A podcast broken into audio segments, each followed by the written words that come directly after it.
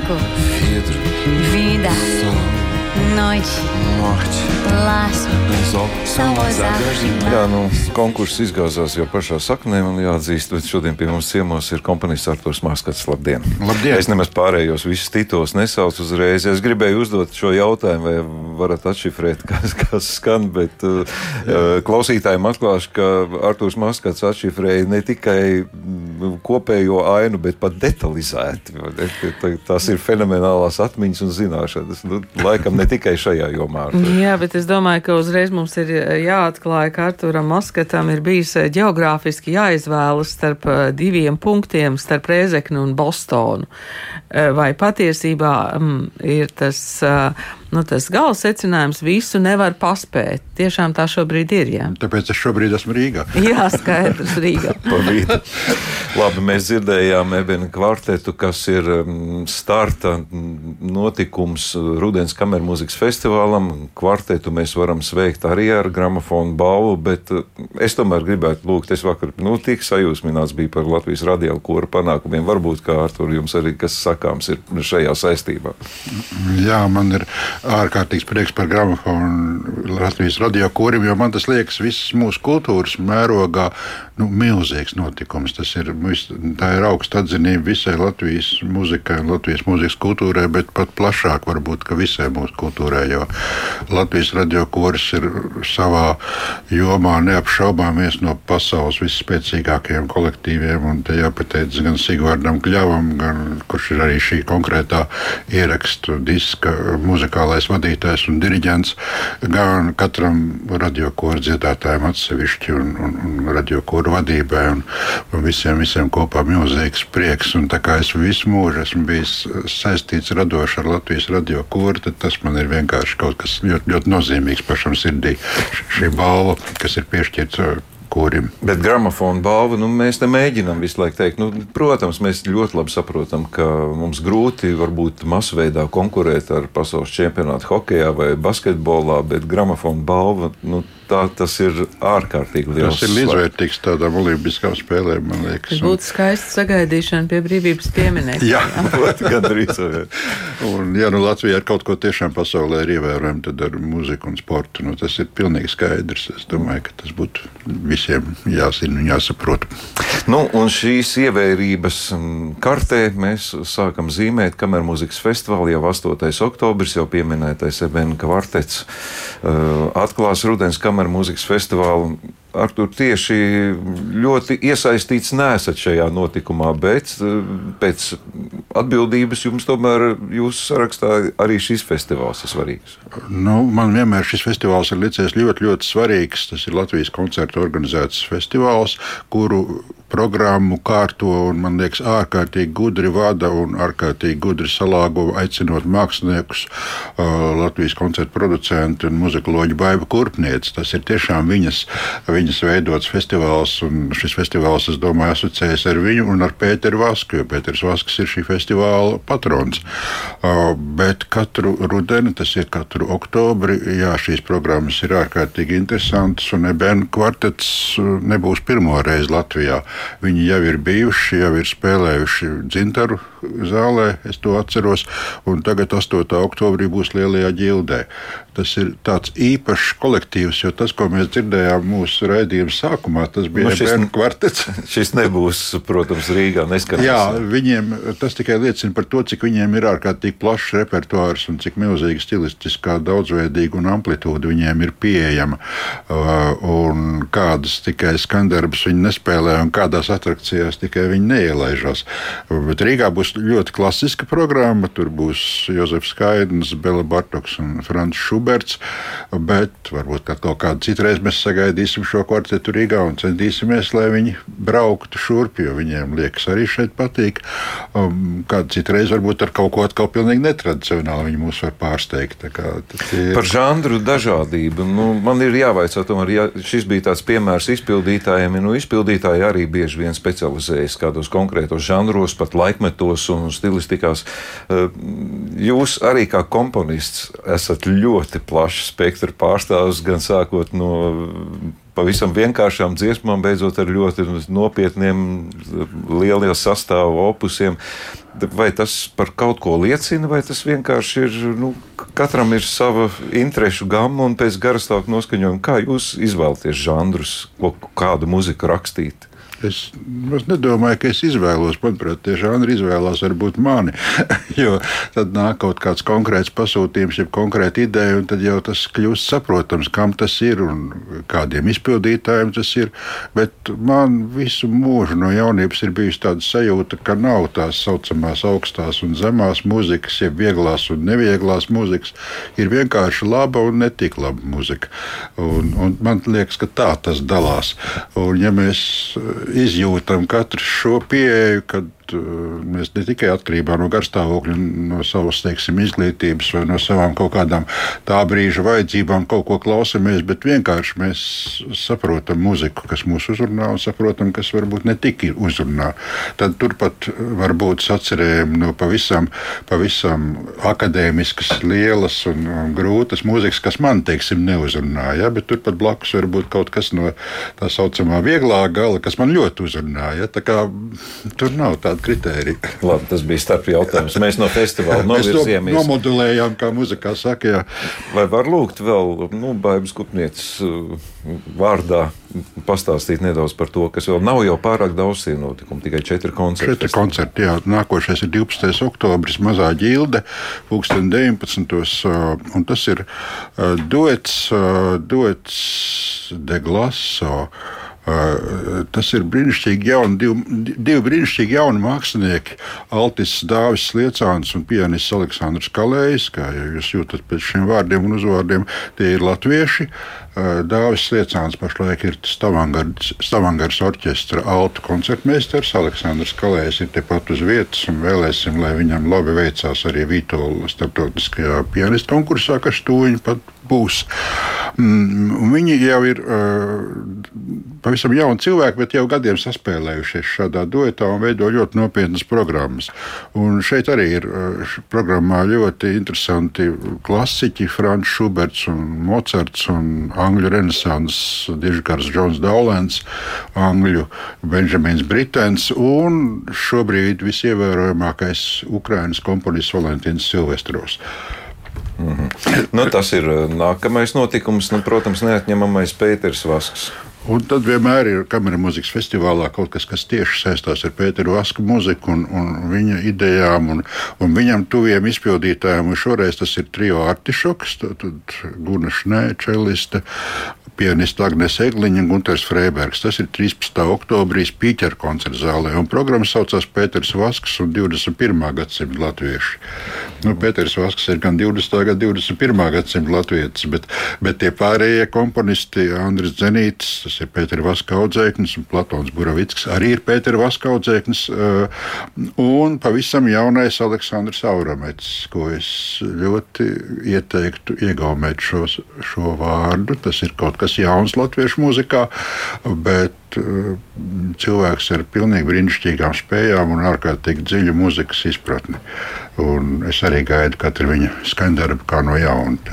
Es tikai piebildīšu, ka mm, tikšanos ar Artišoku varat sameklēt arī Latvijas radio programmā Klasika pirms dažām dienām.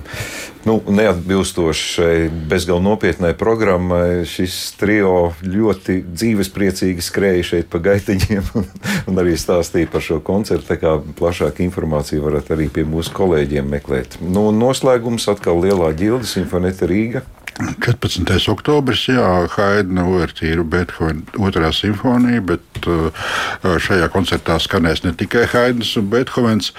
Pirmkārt, jau koncerta diriģents Klemens Šulcs ir viens no jaunās, jaunās paudzes tādiem ievērojamākiem uh, simfoniskiem diriģentiem no nākošās, ne, no šīs sezonas.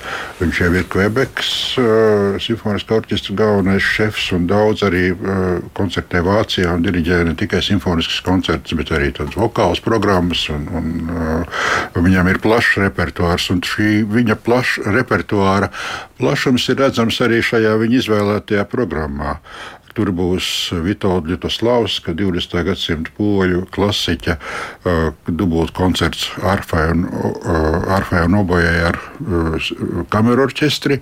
Un šodien varbūt visredzamākā angļu komponista Tomas Adeša kompozīcija. Um, tā kā Adešs, Jutaslavskis, tas būtu no modernisma apcirkņiem, un Haidens, Beethovens, tā ir vīnas klasika. Es domāju, ka ļoti interesanta programma un uh, tāda sadarbība ar ievērojumu diriģentu. Vēl gribās nosaukt, jā, solists šeit Jutaslavska koncertā Joša Blovska arfa un Egils Upatnieks oblē. Jā, un tagad par kādu tradīciju, kas gan radoša, gan arī skumja tradīcija, proti koncerts drauga Andrejam Žagaram. Cēsīs 14. oktobrī. Eh, tas notiek nu jau kuru gadu? Piekto. Piekto gadu. Pēc jā. Andreja aiziešanas mēs tajā pat rudenī uzreiz jau rīkojām pirmo koncertu. Un, un te man jāpateicas arī atbalstītājiem uzreiz Rietumu bankai un nākotnes attīstības fondam, kas mums nāca uzreiz pretī un palīdzēja. Uh, un, un, uh, mēs, protams, ir jau saprotams, ka pieaicināt tādus izcilus solistus un izcilība ir tas, ko gribās šajā koncertā vienmēr, uh, kas bija tāds kā Andreja arī uzstādījums, ja, ka tas arī nav lēti to taisīt, bet mēs esam pateicīgi arī Latvijas Nacionālajam simfoniskam orķestram, kas mūs visus šos piecus gadus ir atbalstījis un vienmēr spēlējis šajos koncertos. Bet, nu, vērienīgi, Verdi rekvējums šogad, jā? Šogad pirmo reizi tāda lielā vokāla instrumentālā forma, jo parasti iepriekšējos četrus gadus tie ir bijuši, nu, skaistas opera mūzikas koncerti, tā to varētu saukt, ar izciliem dziedātājiem, diriģentiem. Vienmēr mēs centamies izvēlēties tādu dziedātāju sastāvu vai diriģentus, kuri savā radošā radošā darbībā kaut kā ar Andreju ir bijuši saistīti. Koncerts ir ļoti tuvu Andreja dzimšanas dienai, kur ir 16. oktobrī. Un Cēsis pat, pats, pats par sevi saprotams, tā ir brīnišķīga zāle un tā ir arī Andreja jaunības pilsēta. Un šajā, šajā vakarā, kas būs 14. oktobrī, Verdi rekvijējums ar Nacionālo simfonisko orķestru Kori Latvija Andra Pogas vadībā. Un man tiešām gribās teikt, ka absolūti izcilu solistu komandu. Varbūt jūs eh, varat šos solistus mums atgādināt, eh, Asmika Grigorjāna un vēl, ja? Nu, Asmiku mēs gribējām jau kādus trīs gadus, un vienmēr kaut kas notika tā, ka viņa nevarēja, vai kaut kāds radās kaut kādi nepārvarami šķēršļi, un viņi ir pasaulē absolūti, faktiski gandrīz pieprasītākā pašlaik soprāna dziedātāji. Viņas eh, tās radošās virsotnes tiešām ir milzīgas, bet Verdi Rekvie viņi dziedās savā mūžā pirmo reizi tas būs cēsīs. Bet viņai ar Latviju saistās daudz kas, kas ir pirmo reizi, un arī viņas uh, tāds uh, starptautiskais uznāciens, tā varētu teikt, sākās ar Latvijas Nacionālo operu, kad viņa pavisam jauna dziedātāja no Viņas, kad mēs viņu sākām aicināt uz uh, saviem iestudējumiem. Viņa dziedāja Pučīnī visu triptihu un, un, un vēl un vēl daudz ko. Pašlaik viņa ir viena no galvenajām dziedātājām Zalzburgas festivālā jau sesto gadu laikam pēc kārtas. Viņai šosezon būs gan Metropolitāns, gan Coventgarden teātri. Uh, Pīķa dāma Bavārijas operā, nu, ko tikai viņa nedzied. Un šajās dienās, 8.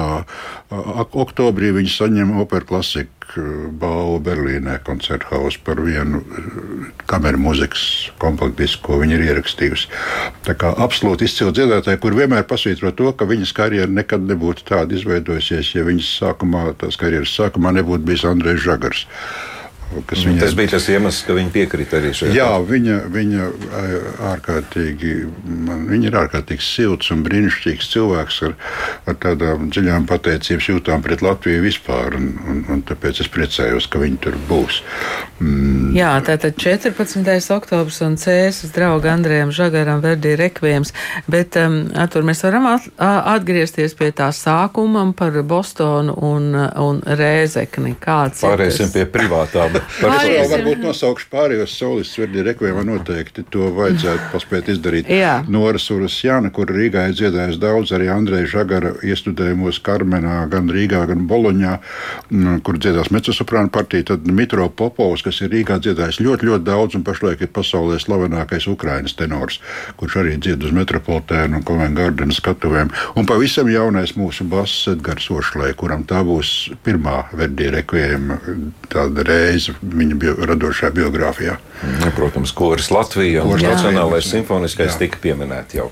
Nu, skaidrs. Man labi. tomēr tie plāni Nu. Jo jūs paspējāt mums pateikt, ka jūs bijāt uz uh, Donu Karlos operā un kādi tik visi plāni nav pārbraukt, es nezinu, no Rēzeknes uz Cēsīm vai, vai, vai kā tur īsti ir tie jūsu plāni.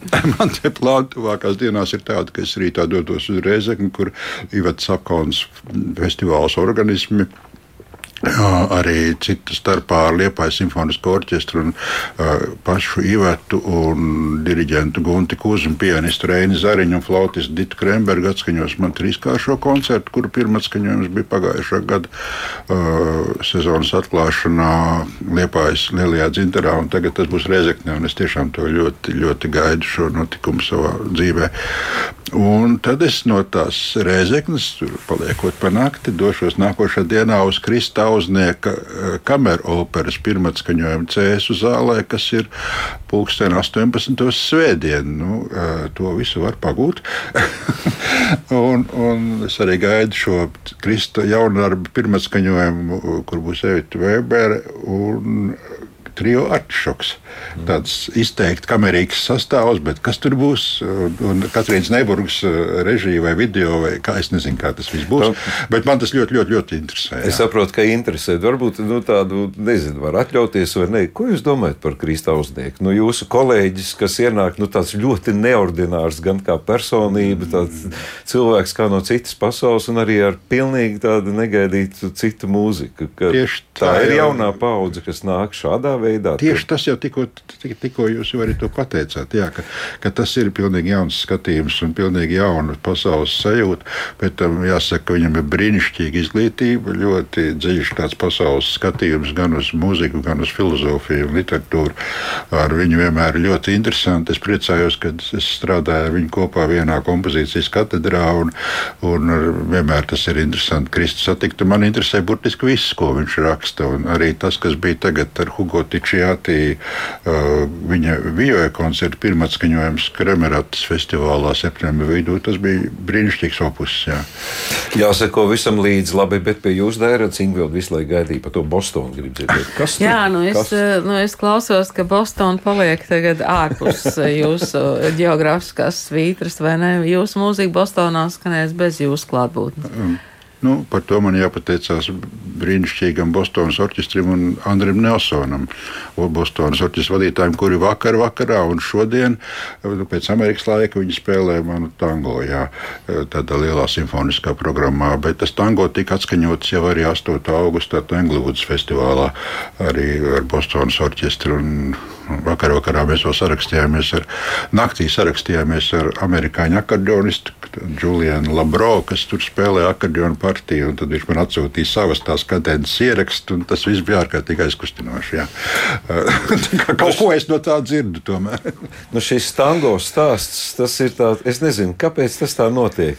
Vai jūs pats arī tā varat uz, nu, sarakstīt tango, tas ir mans mūžs. Viņš kaut kā dzīvo pats savu dzīvi un to nevar apturēt. Un savukārt otru tango nav nemaz tik vienkārši. Kā notiek šīs mūzikas vispār iedzīvošanās, kādu viņi to var kontrolēt pats autors? Vai tas notiek pilnīgi neatkarīgi? Droši vien, ka tas ir kā bērns, kas piedzimst un ir pasaulē aizgājis. un tur neko nevar darīt. Bet es, protams, esmu izpildī, visiem izpildītājiem ļoti lielu pateicību parādā.